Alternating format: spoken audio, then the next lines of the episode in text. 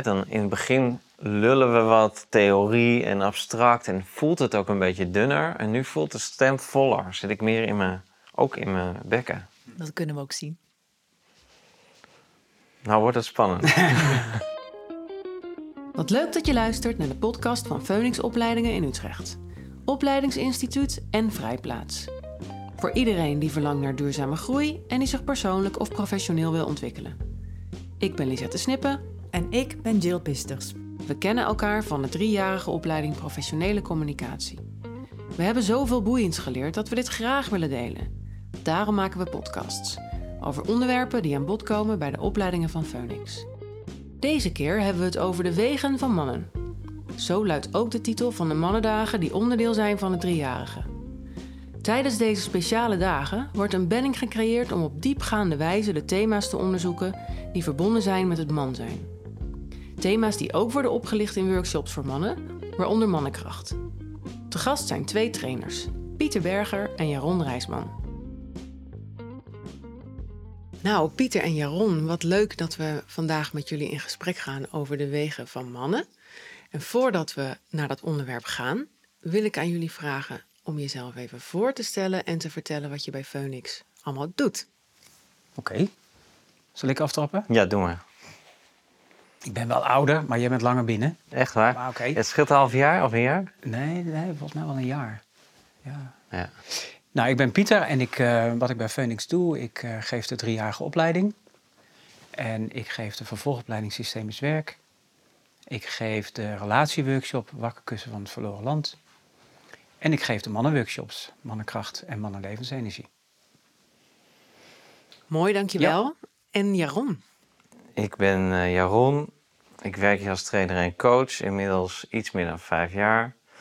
Ik geef de driejarigen systemisch werken, vervolgopleiding en vanaf volgend jaar waarschijnlijk ook rouw. Ja, we nemen op voor de lange termijn, dus ik zeg het maar. Ja. En ehm, verschillende workshops, veel eh, vanuit systemisch werk, plek voor je volgende stap, angst voor de weerstand, relatieworkshop. De relatieworkshop die twee dagen duurt. Dat is wat ik hier doe. mooi om te horen van jullie allebei. En om maar meteen het onderwerp in te duiken. Het gaat over wegen van mannen. Klinkt hartstikke mooi. Maar kunnen jullie eens uitleggen wat bedoelen we daar nou mee?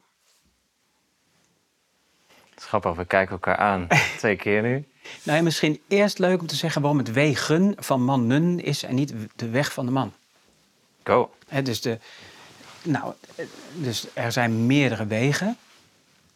Dus dat, dat is mooi. Dat zal later ook nog wel aan, aan bod komen. ik. Maar er is niet één weg. En iedere man doet dat ook weer op zijn eigen manier. Dus er zit zeker een rode draad en iets universeels. Maar wat mij betreft zit er ook zoveel eigenheid in. Dus vandaar de wegen van mannen. Ja, en ook ruimte voor de hoeveelheid diversiteit op seksualiteit die Precies. Ja. er inmiddels is. ja. Ik heb een moeder gehad die, nou ik zou zeggen, wat lastiger loslaat. En een vader gehad die, die zei, ik moet voor het gezin zorgen, ik ga werken en geld verdienen. En daarmee een vader gehad die wat verder weg stond. En dus in de dynamiek van die twee werd moederland, ik zou zeggen, wat te vertrouwd. En vaderland wat te weinig vertrouwd. Ik keek wel heel erg tegen mijn vader op, dus ergens heeft dat ook inspirerend gewerkt. Maar het was ook een soort van too far to reach. En in dat blijven, ik zou zeggen, iets, iets wat meer blijven steken in moederland, ehm, moest ik bijzonder blijven. En was ik in heel veel situaties bezig meer met hoe kijken ze naar me dan contact hebben met dit is mijn ding, dit doe ik hier. En eh, niet scheid aan de rest van de wereld, dat wil ik niet mee zeggen, maar ergens, het is net zo relevant als wat ik weet dat ik hier te doen heb, als hoe ik de ander daarop ontmoet. En dus voor iedereen geldt dat het links of rechts op een of andere manier hapert onderweg. En daar kijken we in Phoenix naar als van hier bieden we een plek om daar een nieuwe kans mee te maken. Om, en voor mij is dat heel belangrijk geweest om jaar na jaar na jaar, wel een langere tijd, ehm, nieuwe vaderogen op te halen. Die ook iets, Hmm. me iets leerden over seksualiteit. Die me ook iets leerden over op eigen benen staan, et cetera. Ja, mooi hoe je over jouw weg vertelt, Jaron. En ook al iets oplicht over hoe daar ook altijd weer herkansingen zijn. Hè, waar het heeft gehaperd, zijn er ook altijd weer mogelijkheden om iets anders op te halen. En het maakt me ook nieuwsgierig naar jouw weg. Hè? Ja. Naar jouw weg als man, Pieter. Ja, ik vind het heel mooi. Dus de, via de ogen van vader de deur uit. En dan misschien ook wel via de bemoedigende ogen van vader de deur uit. En het is bijna een metafoor. Dus ik sluit erbij aan, weet je. Dus dat is, we hebben zo'n prachtige oefening waarin de vader op een gegeven moment het zwaard van mannenkracht geeft. En die zegt, leef je leven, lieve zoon, mijn zegen heb je. En de zoon zegt, dankjewel, ik maak er iets moois van. En dat, dus wat je ook zegt, hè, weet je, dat is, dat is bijna theorie. Want, want zo gaat het niet laat ik zeggen, niet altijd. Dus hoe ik het, hoe ik het ervaren heb. ehm, dus mijn vader, die, die. Dus er is wel eens iemand geweest, is jouw vader, die komt van een andere planeet.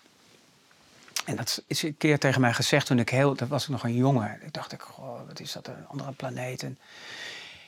Hij, hij, kon niet zo hij kon zich niet zo goed in mijn wereld inleven. Dus in het geven van de zegen in een wereld die hij niet kende kon hij zeggen van, oh ja, oké, dus, dus ik werkte toen eh, in, een, in een farmacie en mijn auto's werden steeds groter. Dus dat zei, goh, dat is toch een mooie auto, dat is een mooie auto, maar wat, wat, wat doe je nou eigenlijk?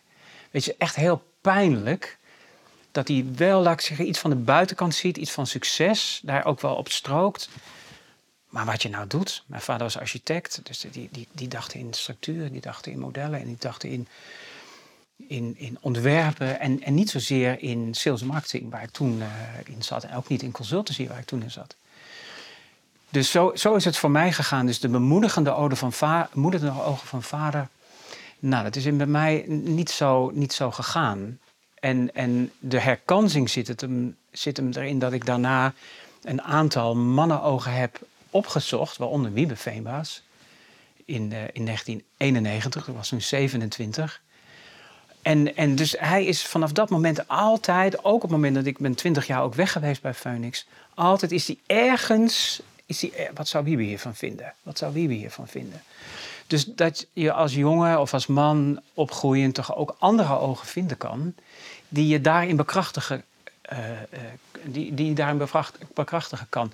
En tegelijkertijd, het zijn nooit de vaders ogen, dus het gemis blijft altijd ergens levend. Wie is hier nou langer binnen dan? Ja, ben ik ben 19, veel langer binnen. Toen was ik nog niet, bijna niet geboren. Nee, nee dat toen kon waar. ik net papa zeggen. Ja, inderdaad. Ja. inderdaad. Ja. Dus het was wel terecht dat jij eerst ging. Ja, dat is waar. Ja, ja dat is waar. Dan zijn we daaruit. Ja, mooi man. Ja. Ik vind het heel mooi aan je verhaal. Uh, zeg maar, je verhaal inspireert me om ook stil te staan bij... Je hebt ook wel bemoediging van je vader gehad. En dat zullen bijna alle mannen wel kennen. En het is ook zo dat we op punten dat kennen en op punten dat missen. Ja, zo is het. En natuurlijk is daar een schaal van 0, van 0 tot 10 bij wijze van spreken op.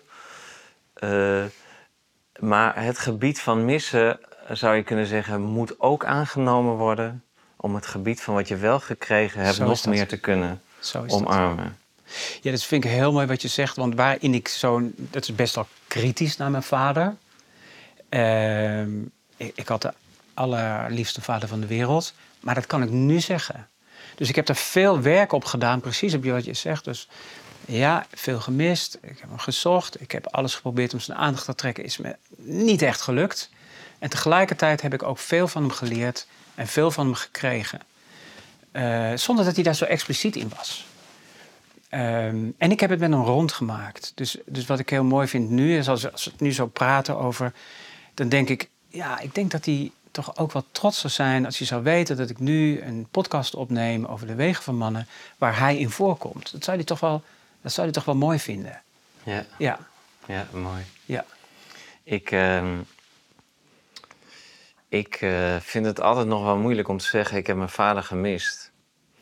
En eh, van hem leerde ik eigenlijk pas de laatste jaren dat ik dan... Dan zegt hij wel eens van ja, ik heb het ook niet helemaal uh, perfect gedaan. En dat is ergens, ik zou zeggen, de grootste bron in mannenoog is dat je daar weer meer vrij van komt. Dat heb ik nu ook met mijn kinderen. Natuurlijk schiet ik en ik moet het perfect doen. Ik moet er voor, altijd voor hun zijn. Als een soort tegenreactie op hoe ik mijn vader heb gemist. En, maar op goede momenten kan ik dan even inademen en voelen: oh ja, dat bestaat niet. En dat is misschien zelfs wel de wegen van de ouders. Omdat als jij dit zo zegt, dan kan ik dat ook als moeder heel erg herkennen. Zeker. Ja, dat ben ik ook met je eens. En ik ga dat niet leren als ik de hele tijd bezig ben met hoe mijn moeder moeder van mij was. Ja. Dus dan, dan blijf ik, nou, ik zou zeggen, natuurlijk weet ik het niet, want ik, heb, ik ben hier 15 jaar, 20 jaar mee bezig.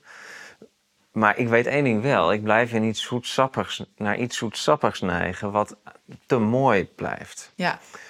En uh, ja, nu kan ik zeggen, ja, ik heb mijn vader gemist. En hij stond er voor zijn gezin en daar heeft hij mm. echt alles voor gegeven. Mm. En daarin is hij ook een grote inspiratiebron voor mij. Wat ik, uh, wat ik mooi vind om te horen is dat je dat nu dat zo aan kunt nemen. Um, en wat eigenlijk, als ik er zo over nadenk, heel logisch is, is dat je als jongen niet alles bij moeder kunt leren en dat je ook dingen bij vader kunt leren. En andersom geldt dat voor dochters hetzelfde. Zeker. En er zal, er zal ook iets heel gezond zijn aan krachtmeting, stoeien, eh, competitie, agressie en hoe kanaliseer je agressie. Uh, uh, dat, dat leer je met broers of met vaders, toch? Ik kan me ook voorstellen dat, dat, dat het niet alleen in vaders ogen speelt. Kunnen jullie daar iets over vertellen? Jij broers, hè, Jaron? Ik ben opgegroeid met drie broers. En ik heb nog een halfbroertje. Dus ik heb vier jongere broers. En uh, ja, wat kan ik erover zeggen? Poeh. We, we groeiden op in die dynamiek waarin ik ook zeg van... Ik miste mijn vader. Uh, mijn moeder was dichtbij. En... Uh, ik heb zeker heel veel gehad aan de broersdynamiek. En ik heb precies ook in die dynamiek, ik zou zeggen, het verlies herhaald van de, het missen van vadersoog herhaald. Dus ik ging wat te veel mama helpen. En ik bleef iets te weinig broer. En in, en in die dynamiek heb ik zeker, ik heb uh, mijn oudste broer, die ging eigenlijk altijd mijn onaantastbaarheid testen. Dus die kon echt heel goed treiteren. En, uh, en net zo lang doorgaan tot hij me uit de kast kreeg. En daar was echt veel voor nodig. Want ja, ik moest wel een beetje perfect blijven. Nu vind ik dat helemaal geen fijne eigenschap. Maar toen was dat iets waar ik vast aan had.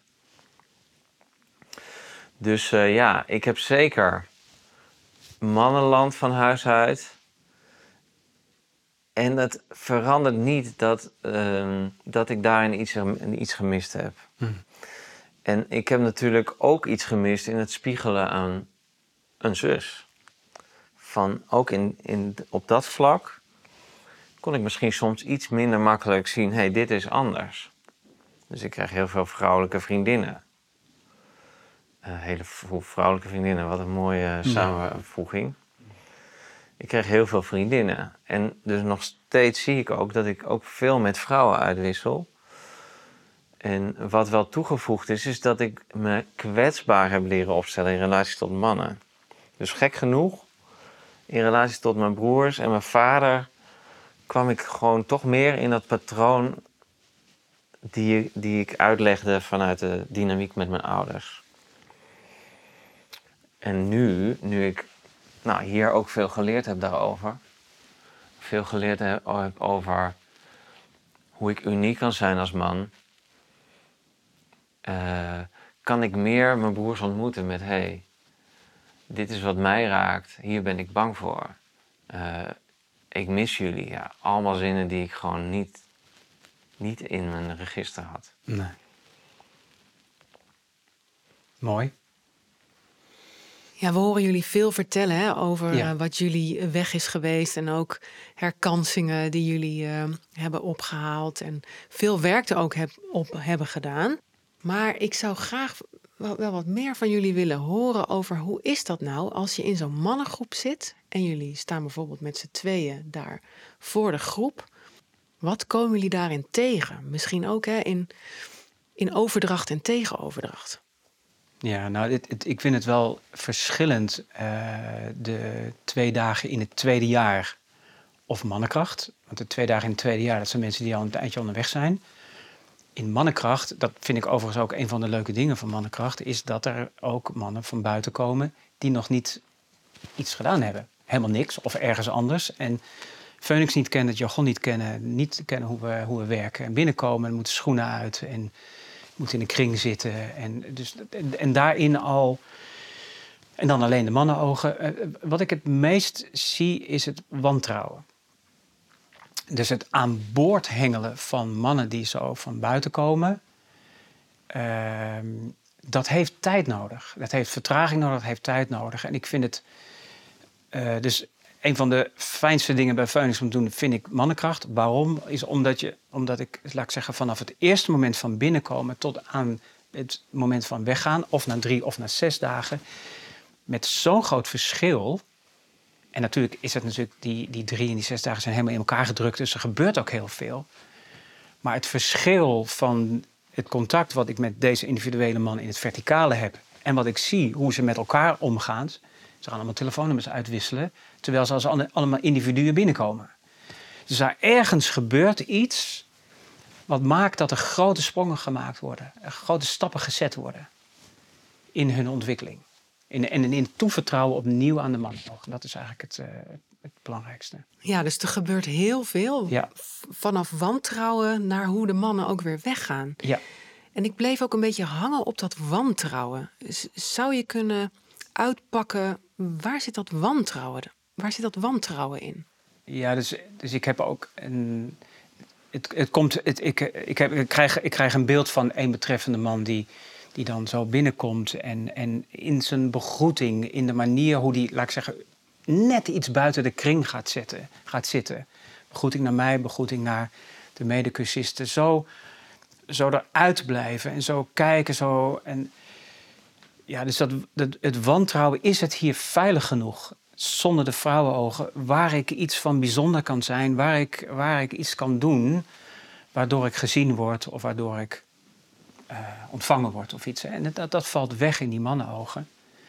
Ehm, eh, dus het, het wantrouwen wat, eh, wat, ik zelf ook, wat ik zelf ook goed ken. Dus daarom zou het goed kunnen zijn dat ik daar ook op, zo, zo eh, op resoneer.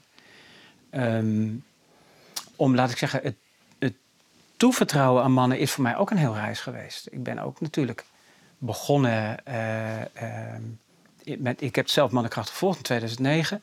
Nou, dat was echt wel ook voor mij een schok. Dus eh, ik weet goed wat er gebeurt op het moment dat je zo teleurgesteld bent geraakt in via de mannenogen de deur uit, via de vadersogen de deur uit, dat er gewoon niet was. Of in de afwezigheid. Veel op je eigen energie. Weinig reflectie, weinig bevestiging daarop. Ja, en, en, en dan het voorkomen van een herhaling. Ja, daar kan ik me wel iets van voorstellen. Ja, nog inhakend op wat je zegt, van ik heb dus... eh, ik had dus niet zoveel wantrouwen, want ik kwam uit een mannengezin. Maar ik had ook wel veel wantrouwen op... kan ik me kwetsbaar opstellen als ik met mannen ben? Dus het was net anders, want er was wel iets van gemak en vertrouwen... maar er was ook iets van... eh, niet een echte diepere toevertrouwen. En ik denk dat we daar als eh, vaders voor de groep, met onze vaderogen, zo van, wij hebben weet van de reis van je niet kunnen toevertrouwen, of niet helemaal, naar voller kunnen toevertrouwen. Ja. En wat een oogst dat in het leven brengt. Namelijk iets van eh, meer koers hebben. ehm, voelen, ik word hier nu wel geïnterviewd door een vrouw. Ik ga mee in de vraag en op een gegeven moment voelen... hé, hey, maar waar heb ik eigenlijk zin in om het over te hebben? En eh, ook iets meer ruimte voor, oh spannend, ze stellen allemaal vragen, ik moet goed antwoord geven naar, oh, wat vind ik eigenlijk leuk aan haar? En wat vind ik leuk aan haar? En dat, dus dat, ja, dat ik veel meer ook in mijn hele lijf kom. En dat is allemaal wel nodig. Het leren toevertrouwen in mannenogen is nodig om daarin te landen. In die man die zin heeft, in die man die weet waar hij voor staat. Dus wie je ten diepste bent als man, leer je daar. Ja, dus het staken van de strijd die ik goed ken met mijn vader, om daarin ruimte te maken, ruimte te krijgen voor je eigen stroom. Ja. Dat is dan eigenlijk. Ja, en het begint heel vaak bij welkom heten van strijd. Ja. Bij, bij iemand. Of Ja. welkom heten van angst om je te geven. Ja. Ja, jullie vertellen nu eigenlijk een paar voorbeelden van vervormingen of waar het Ja. gestokt is. Hè? Zeker. Ja. En, eh, en in, die, eh, in die workshop ga je dan daar weer naar op zoek om dat opnieuw te integreren. Ja, eigenlijk is dat een grote herkansing, omdat we in de eerste dag, eh, dat doen we in die twee dagen trouwens ook, we werken en in vrouwenogen of moedersogen en in mannenogen. En we kijken wat kom je daarin tegen. Om daarin, laat ik zeggen, te kijken van wat, wat is de herhaling en wat is de herkansing. Om van daaruit opnieuw, dus wat je zo mooi zegt, hè, dus in, de, in, de, in die nieuwe ruimte, eh, dat zou je wel zo kunnen zeggen, om daar meer van je eigenheid naar buiten te kunnen brengen. Die er wel is, maar die er op een, een of andere reden niet langs kan. Waar je al zo lang op zit te wachten, maar wat eigenlijk niet gebeurt. Of zit te wachten, dat je eigenlijk die beweging niet maakt, omdat het er eigenlijk niet langs kan. Terwijl het wel is. Zo op die manier. Ja. En ik zie ook dat mannen zich wat vaker realiseren. Ik zit ergens mee. Ik denk dat ik dit toch beter met een man kan bespreken. Ook al zou ik dat vroeger niet doen. En dat. eh, ik ben heel erg tegen de zin. eh, je moet meer naar de mannen toe. Omdat het zo eh, uitsluit. Eh, en omdat ik gewoon ook weet, ik heb best een lastige paar jaar gehad. Hoeveel ik aan mijn vrouwelijke vrienden heb gehad. Eh, maar ik heb ook echt mannen nodig om sommige dingen aan te toetsen. En, en gek genoeg komt er ook een bepaald soort meer levendigheid of levensenergie in de groep. Eh, dus ik zou dat niet alleen aan de mannen relateren, aan de vrouwen die wegen van vrouwen hebben gedaan en mannen die wegen van mannen hebben gedaan. En natuurlijk komen ze ook wat dichter bij hun eh, vraagstukken en thema's rond seksualiteit. Dus door die ontmoetingen word je je ook vaak bewust van iets wat in je leeft of speelt, of waar je over struggelt, wat je eerst nog niet zo door had. Ja, dus het opent ook een bepaald soort bewustwordingsgebied. Wat een mooi abstract woord waar je echt niks mee kan. Dus dat is dat verschil dat ik zeg. Ja. In het begin ben ik bezig met eh, jullie pleasen met goed antwoorden van jullie vragen. En op een gegeven moment kom ik, en dat is mijn reis van de man ook een beetje, kom ik bij nee, maar hey, ik zit hier als man met vrouwen en ik heb gewoon een verhaal te vertellen. En dan verandert de energie in het gesprek ook. Dan in het begin lullen we wat theorie en abstract en voelt het ook een beetje dunner. En nu voelt de stem voller, zit ik meer in mijn, ook in mijn bekken. Ja. Dat kunnen we ook zien. Nou wordt het spannend. Ja, want hoe speelt het Ja. hier? Dat vertel je eigenlijk Ja. al. Dat is dan de prijs En die je betaalt. grappige Het is- wordt ook spannender. Ja, Het grappige is voor, mij, voor ons, of in ieder geval als ik voor mijzelf spreek, was het ook spannend. Ik dacht, ja, de wegen van mannen, daar heb ik natuurlijk de ballen verstand van. Eh, wat moet ik daar nou over, eh, over Leuke zeggen? Ja, Ja. inderdaad. ja, we krijgen heel Ehm. vaak van vrouwen de vraag: hoe is het daar dan? Mogen we daar niet bij Ja, zijn? Ja, ja, vlieg op de muur. eh, Ja, ja. Maar andersom zou je dat natuurlijk ook bij de vrouwenworkshop misschien wel willen. Nou, Nee, heb ik nee, dat. Nee. hoor ik dus andersom dat is niet bijna waar, nooit. is niet waar. Is niet waar? ja. Nee, ik moet er eigenlijk niet aan denken zelfs. Maar Jaron, jij vertelt... Dat geloven we niet helemaal, maar goed. Oké, sterkte daarmee. Jij vertelt iets ook over jouw oogst, waar je... ehm, het begint nu ook nog wel met dat je bra- braaf tussen aanhalingstekens antwoord geeft op onze vragen. En op een gegeven moment voelt maar, ho, wacht, dit wil ik vertellen. Ja. Pieter, zou je ook iets Ja. kunnen vertellen over jouw oogst en ook over jouw oogst in vrouwenogen? Waar merk jij, ehm, ja, welke groei jij hebt doorgemaakt? Ja, dat is grappig. Hè? Dus, dus waar ik zin in heb om te vertellen, en dan kom ik misschien via een omweggetje ook wel weer op jouw antwoord, is. ehm, dus we hebben het zo over toevertrouwen en we hebben het zo over via de bemoedigende ogen van vader. En dus het gaat ook niet anders, voor mij in ieder geval, door eh, om ook, laat ik zeggen, achter mijn vader te kijken. En mijn moeder uiteraard. Maar ook achter mijn vader te kijken en daarin te zien, wat maakt nou dat deze man zo geworden is? Wat maakt nou dat, dat hij de dingen gedaan heeft zoals hij ze gedaan heeft? En ik vind het wel belangrijk om dat eraan toe te voegen. Mijn vader verloor zijn moeder toen hij 12 was, zijn vader toen hij 19 was en daartussen nog een broer. Dus toen ik me daar in de drie jaar ook eh, eh, mee bezig ben geweest en ik heb ook gesprekken gevoerd, toen dacht ik ja, en dan, vervolgens krijg je zes kinderen. En dan verlies je ook nog een dochter. Dus dat betekent niet dat. De, dus de geschiedenis verandert niet, waarin die op een aantal momenten er echt niet voor me was. En tegelijkertijd ontstaat er wel een ander veld voor mij om, om mee te verbinden. En om in zijn ogen ook gewoon te kijken: oké, dus dit heb ik niet van je gehad. En ik kan ook via wat ik achter je eh, zo zie, kan ik ook zien wat ik wel van je gehad heb. In jouw eigen struggle vanuit dat, nou, vanuit dat grote verlies. Dus dat vind ik wel, eh, wel. Dus we werken ook in die workshop, werken we ook echt wel systemisch om die diepte erin te brengen. Omdat het anders wordt het zo'n zo'n clash. eh, weet je wel, je, je moet nu aannemen, je moet nu. Ja, wacht even. Dus om dat meer kader te geven en meer diepte te geven, vind ik wel echt heel belangrijk. En zeker in mijn geval heeft me dat enorm, laat ik zeggen, milder en geholpen om die stap te kunnen zetten. Naar van, hé, hey, je, je bent precies de goede vader voor mij. En hij heeft me een paar keer enorm laten zitten. Dat ook. Allebei. En wat was je vraag ook alweer? Oh ja, in vrouwenogen.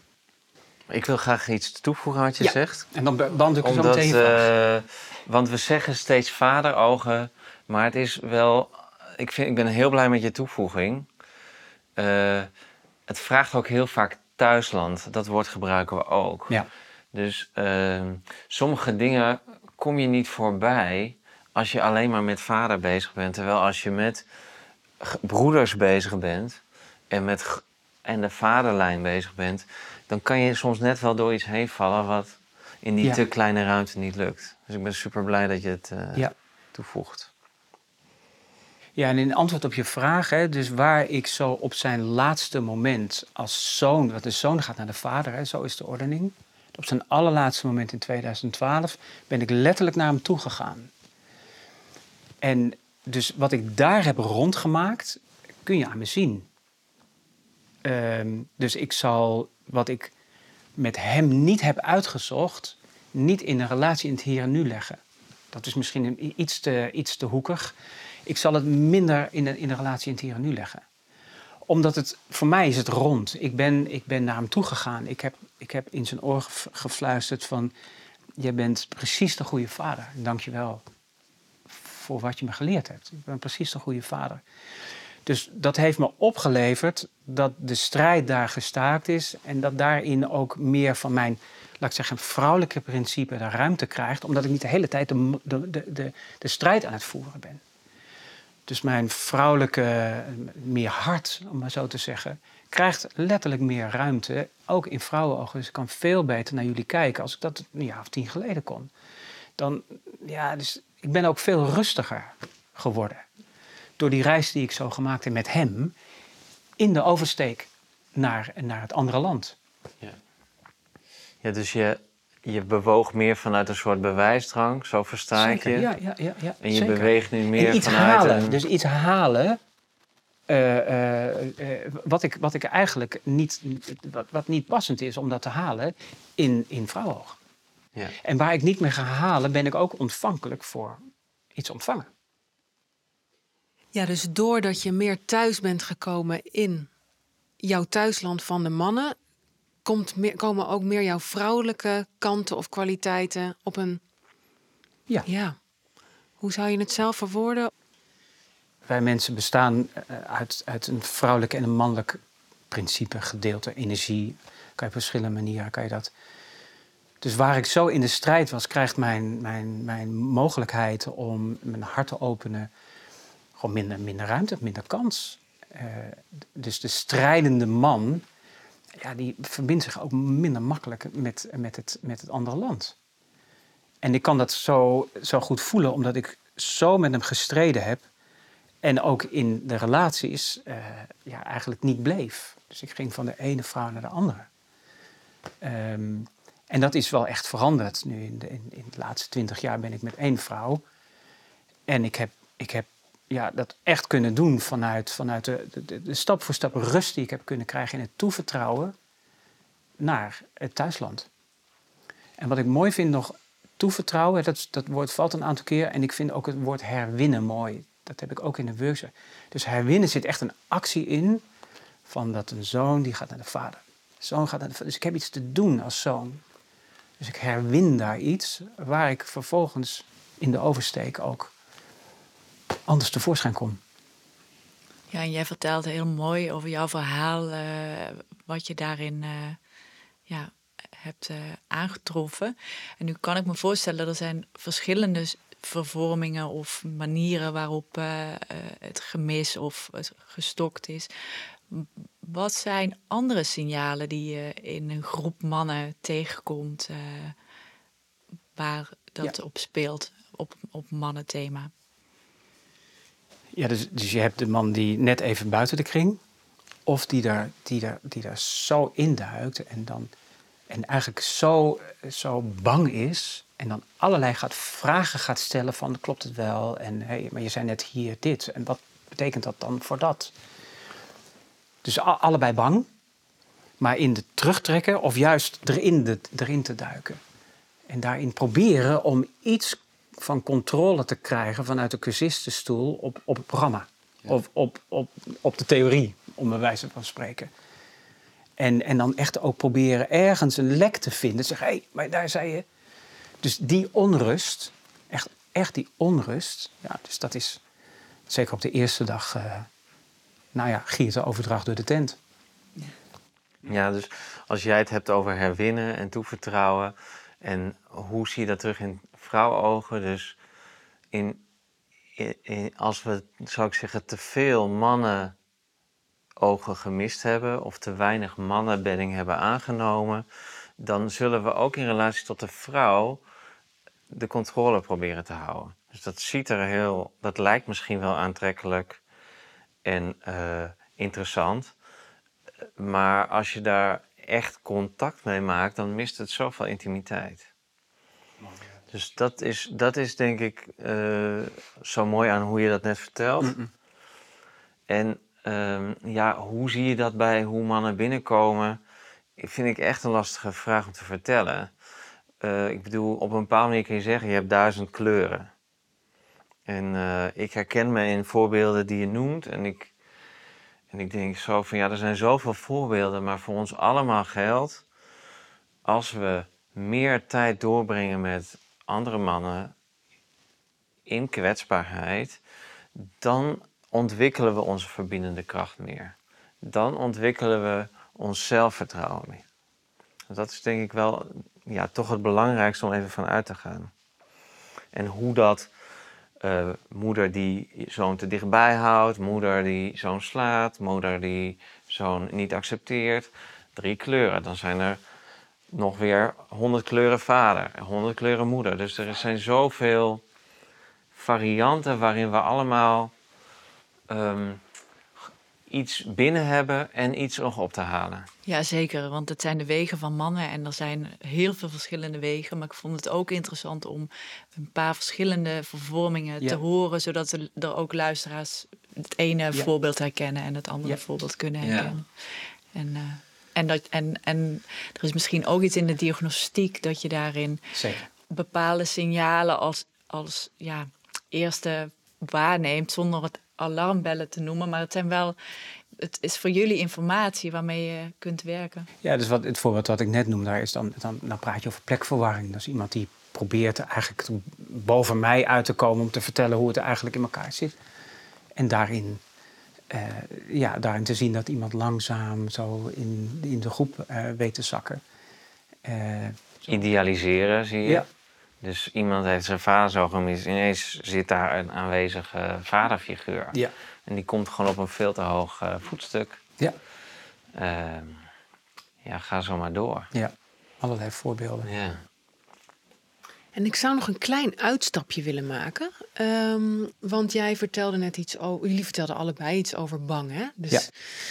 ehm, en ook hoe, moeders misschien omgaan en vaders met als zonen bang zijn of als zonen verdrietig zijn.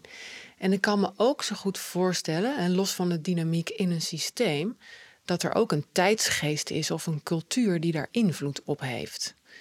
Is dat ook iets ja, wat jullie interesseert of wat jullie zien? Want dat was 50 jaar geleden heel anders dan nu. Of is dat iets wat helemaal buiten dit kader valt? Nou, in de tijdsgeest nu heb je in ieder geval wel eh, te maken met dat er veel gepraat wordt over veel gender identities. Ehm, van de ja, 700 mannen die ik gezien heb, schat ik, want dit gok ik volledig, heb ik eh, een aantal homoseksuele mannen gezien waar het gewoon duidelijk dienend in is om uit te zoeken hoe heb ik dat met moeder meegemaakt, hoe heb ik dat met vader meegemaakt en, eh, en wat heb ik daarin te herwinnen, wat heb ik daarin in te halen. Ik heb één keer een man gehad die de eerste dag eh, in mannenkleren binnenkwam, maar wel met make-up op. En de tweede dag in een gigantische roze jurk. Dus ehm, ik zou vooral meer voorbeelden willen zien. En heel graag ze hier willen verwelkomen en daarin dienen. En ik heb wel ervaren bij, bij deze man dat, dat, hij, ehm, dat hij ook een verdiepende ervaring heeft gehad in ehm, hoe heb ik, hoe, hoe doe ik dat in mannenogen? En vooral ook dat hij in mijn inschatting, dus ik heb hem dat niet nog een keer gevraagd, maar in mijn inschatting zich ook wel meer geaccepteerd voelde in mannenogen. Dus hij had ook iets van, ik zou zeggen, erboven hangen. Eh, zijn hart wat afschermen. En eh, ik zeg zijn, maar ik weet echt, hij had het steeds over niet man, niet vrouw, maar mens. Dus dat was zo belangrijk voor hem. Als je dat zo vertelt, Jeroen, dan ben ik ook nieuwsgierig naar hoe jullie als volgens mij heteroseksuele mannen die voor zo'n groep staan. En er komt een man binnen eh, met een andere genderidentiteit of een andere seksuele voorkeur. Gebeurt er dan ook iets met jou van binnen dat anders is? Maakt het niet uit? Kun je daar iets over zeggen? Ja. Ik heb in mijn puberteit uh, minder geëxperimenteerd dan ik eigenlijk voelde dat ik zou willen. Dus ik was eigenlijk wel benieuwd naar. Uh, dus ik, ik weet heel helder, ik ben, geen, ik ben heteroseksueel. Dat weet ik heel helder. Alleen ik weet wel, in die tijd had ik soms ook wel eens ik nieuwsgierig naar. Nou, hoe zou het zijn om met die man te zoenen, met die jongen? Ja, dat durfde ik gewoon niet, want er was zo'n taboe op. Uh, of tenminste, in hoe ik opgroeide en de setting waarin ik opgroeide. En uh, dus als er een uh, homoseksuele man komt, of die man waar ik net het voorbeeld van heb, dat, dat inspireert me altijd enorm. Dus dan is er als het ware ook iets in mij wat nog weer een beetje uit de kast wil komen. Mm. En uh, ja, dus. Dus jij gaat even terug naar die gedachte van ooit? Nee, het is meer dat ik dus levensenergie voel vanuit het bevrijden van dingen die in je leven. En dat is wel, ik zou zeggen, de setting van mannen onder elkaar is veel veiliger dan veel mannen denken om dat aan te gaan. Want we willen juist als mannen geïnspireerd raken op hoe die andere man vol voor zijn ding gaat. En dat inspireert ons, maar we moedigen elkaar dan ook aan. In soort, het is natuurlijk weer een abstractie, in een ideale situatie. En ik vind wel dat we die, ja, we zijn echt wel goed in een goede situatie daarvoor maken, in een goede setting. En dan zijn zulke mannen heel, heel gevaarlijk, om het zo te zeggen, eh, verrijkend. En het trekt ook ehm, veel andere mannen uit hun te strak zittende jas. Dat is mijn ervaring daarmee. Ja, voor mij is het, is het, het, het- het- twee antwoorden. Het maakt niks uit. Voor mij. Omdat ik... ehm, wat ik het allerbelangrijkste vind is om alle mannen die, die daar plaatsnemen in te, in te sluiten. En te kijken hoe kan ik jou ontmoeten. Hoe, en ik heb drie dagen de tijd om je te ontmoeten. Dus dat is een soort uitgangspunt. En tegelijkertijd maakt het heel veel uit. Ehm, dus ik kan wel schrikken op het moment dat mannen ineens te dichtbij komen, voor mijn gevoel. En, en ik schrik dan eigenlijk vanuit een oude schrik. Ik heb, ik heb een, een, eh, te maken gehad met seksueel grensoverschrijding toen ik 16 was. Dus er kan iets van een oude schrik daarin zijn. En tegelijkertijd, dus ik weet het zo goed. Ik heb er zoveel werk op gedaan. Dus ik kan me daarin, laat ik zeggen, voldoende vastpakken om. En dat misschien ook vertellen, dat inbrengen. Dit is wat er met mij gebeurt. Om daarin de ontmoeting eh, te krijgen met deze betreffende persoon, met deze man. Dus, eh, dus eigenlijk er zitten eigenlijk twee kanten aan. En het, maar wat, dat het niets uitmaakt, overheerst voor mij. Dus het gaat erover om hoe kan ik je ontmoeten. En dat is eigenlijk voor mij het belangrijkste. Ja, en als je komt, heb je een man tegenover je in de vorm van Pieter of Jaron of een collega van ons die, die zijn eigen schrik kan dragen en die je daarover kan leren. Precies. Precies. Ja, want daarmee maak je het weer hartstikke veilig. Daarmee maak ik het veilig. En ook op het moment dat ik dat dan aangeef, van ik, ik, ik schrik een beetje van je. En, en, en daar iets over zeg. Nou, dan, dan ga ik in elk geval voor. Het is nog maar de vraag of ik gevolgd word. Maar in elk geval ga ik voor. Ja, en er ontstaat een reflectieruimte die, Ja. die, die tot onderzoek uitnodigt. Ja. Ja. Ja, ik ben er ook een beetje stil van als vrouw, merk ik. En ook wel geraakt als jullie vertellen hoe jullie zo ervaren dat in zo'n mannengroep er ook een eh, bedding ontstaat van elkaar aanmoedigen om wat voor knellende jas dan ook uit te trekken.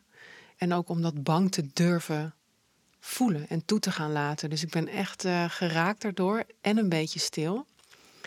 En dat brengt me ook wel op de vraag van hè, misschien een advies ook voor de vrouwelijke luisteraars. Van waar houdt het voor vrouwelijke begeleiders van mannen ook echt op? Oké. Ik kom bij jouw vraag in een dilemma, Oké. want ik voel ook met die stilte zijn we daar. En als man zijn we zo vatbaar voor de verleiding van wat een vrouw vraagt of wil. Of Hm. Waarbij er een herhaling is. En, en dus voor hetzelfde geld eh, wordt het podcast een kwartier langer, terwijl we er waren. Ene kant. En aan de andere kant vind ik je vraag ook mooi. Dus, ja, dus dat dilemma kom ik in. En eh, ik durf het bijna niet te zeggen, maar ik, voel, eh, ik voelde eigenlijk net dat we er waren.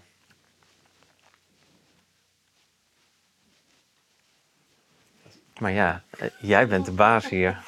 Ik dan toch de neiging jullie te verleiden om toch dat antwoord te gaan geven. Nou, het antwoord is heel simpel. en Dus ik laat me dan verleiden, maar het is heel simpel. Als het zo stil wordt, weet je het. Oké. Dus, dus ja, eh, ik, ik zou zeggen, leg je boek opzij en ontmoet die man. En dan weet je ook, dit kan ik voor hem betekenen en hiervoor moet hij echt bij een man zijn. Dat weet je gewoon. Of hier moet je voor bij Phoenix zijn en hiervoor moet je ergens anders zijn. Want, laat ik zeggen, als het echt over pure seksuele energie, levensenergie gaat, dan zijn er mogelijk andere instituten meer toereikend dan wat we bij Phoenix doen. Ik zou zeggen en en, want ontwikkelingspsychologisch zijn we superkrachtig. Zeker. Dus ik, dus ik heb een uit, uitstapje gemaakt eh, in de tantra en ben weer teruggekomen. Ja. En, en heb daarin, laat ik zeggen, ontdekt, eh, geheeld, hoe je het ook noemen wilt, van datgene wat er zo beschadigd raakte toen. om daarin ook weer, eh, laat ik zeggen, eh, eh, in, in de ogen aan de andere kant eh, meer veiligheid te kunnen vinden dan daarvoor. Dus dat is ook misschien wel de eerste schrik in mannenogen, misschien ook wel in vrouwen, maar zeker in mannenogen, omdat we daarover hadden. Om van daaruit ook via mijn adem en via het werk wat ik daarop gedaan heb, zowel, laat ik zeggen, in, in, in dit gebouw als, als puur fysiek, gewoon, gewoon erin stappen, letterlijk. Om van daaruit eh, ja, minder te halen en meer in balans te zijn in dat stuk. Mooie aanvullingen, dank jullie wel. Nou hebben we heel veel eh, eh, gehoord over de wegen van mannen. Is er nou nog iets waarvan jullie denken: dit moet ik echt kwijt in deze podcast? Ja, dus mijn, mijn toevoeging zou dan zijn. Eh, ik heb natuurlijk een aantal dingen verteld over verwondingen, over wat ik zo niet had willen krijgen van mijn vader. En tegelijkertijd wil ik besluiten met hoe rijk het me gemaakt heeft, al die verschillende ervaringen. En hoe, laat ik zeggen, die puzzel in elkaar past in het werk wat ik hier bij Phoenix doe.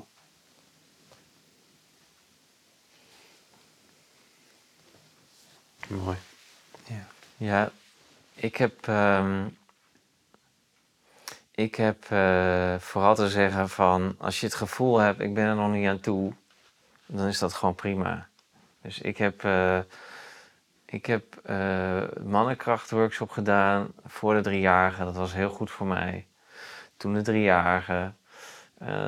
wegen van mannen behelst zo sterk dat het op jouw moment jouw tijd is om stappen te maken of niet. En ehm, dus eh, ik voel vooral, ik zit in een podcast van Wegen van Mannen en het, ergens voelt het ook een beetje hoog van de toren of zo. Van, eh,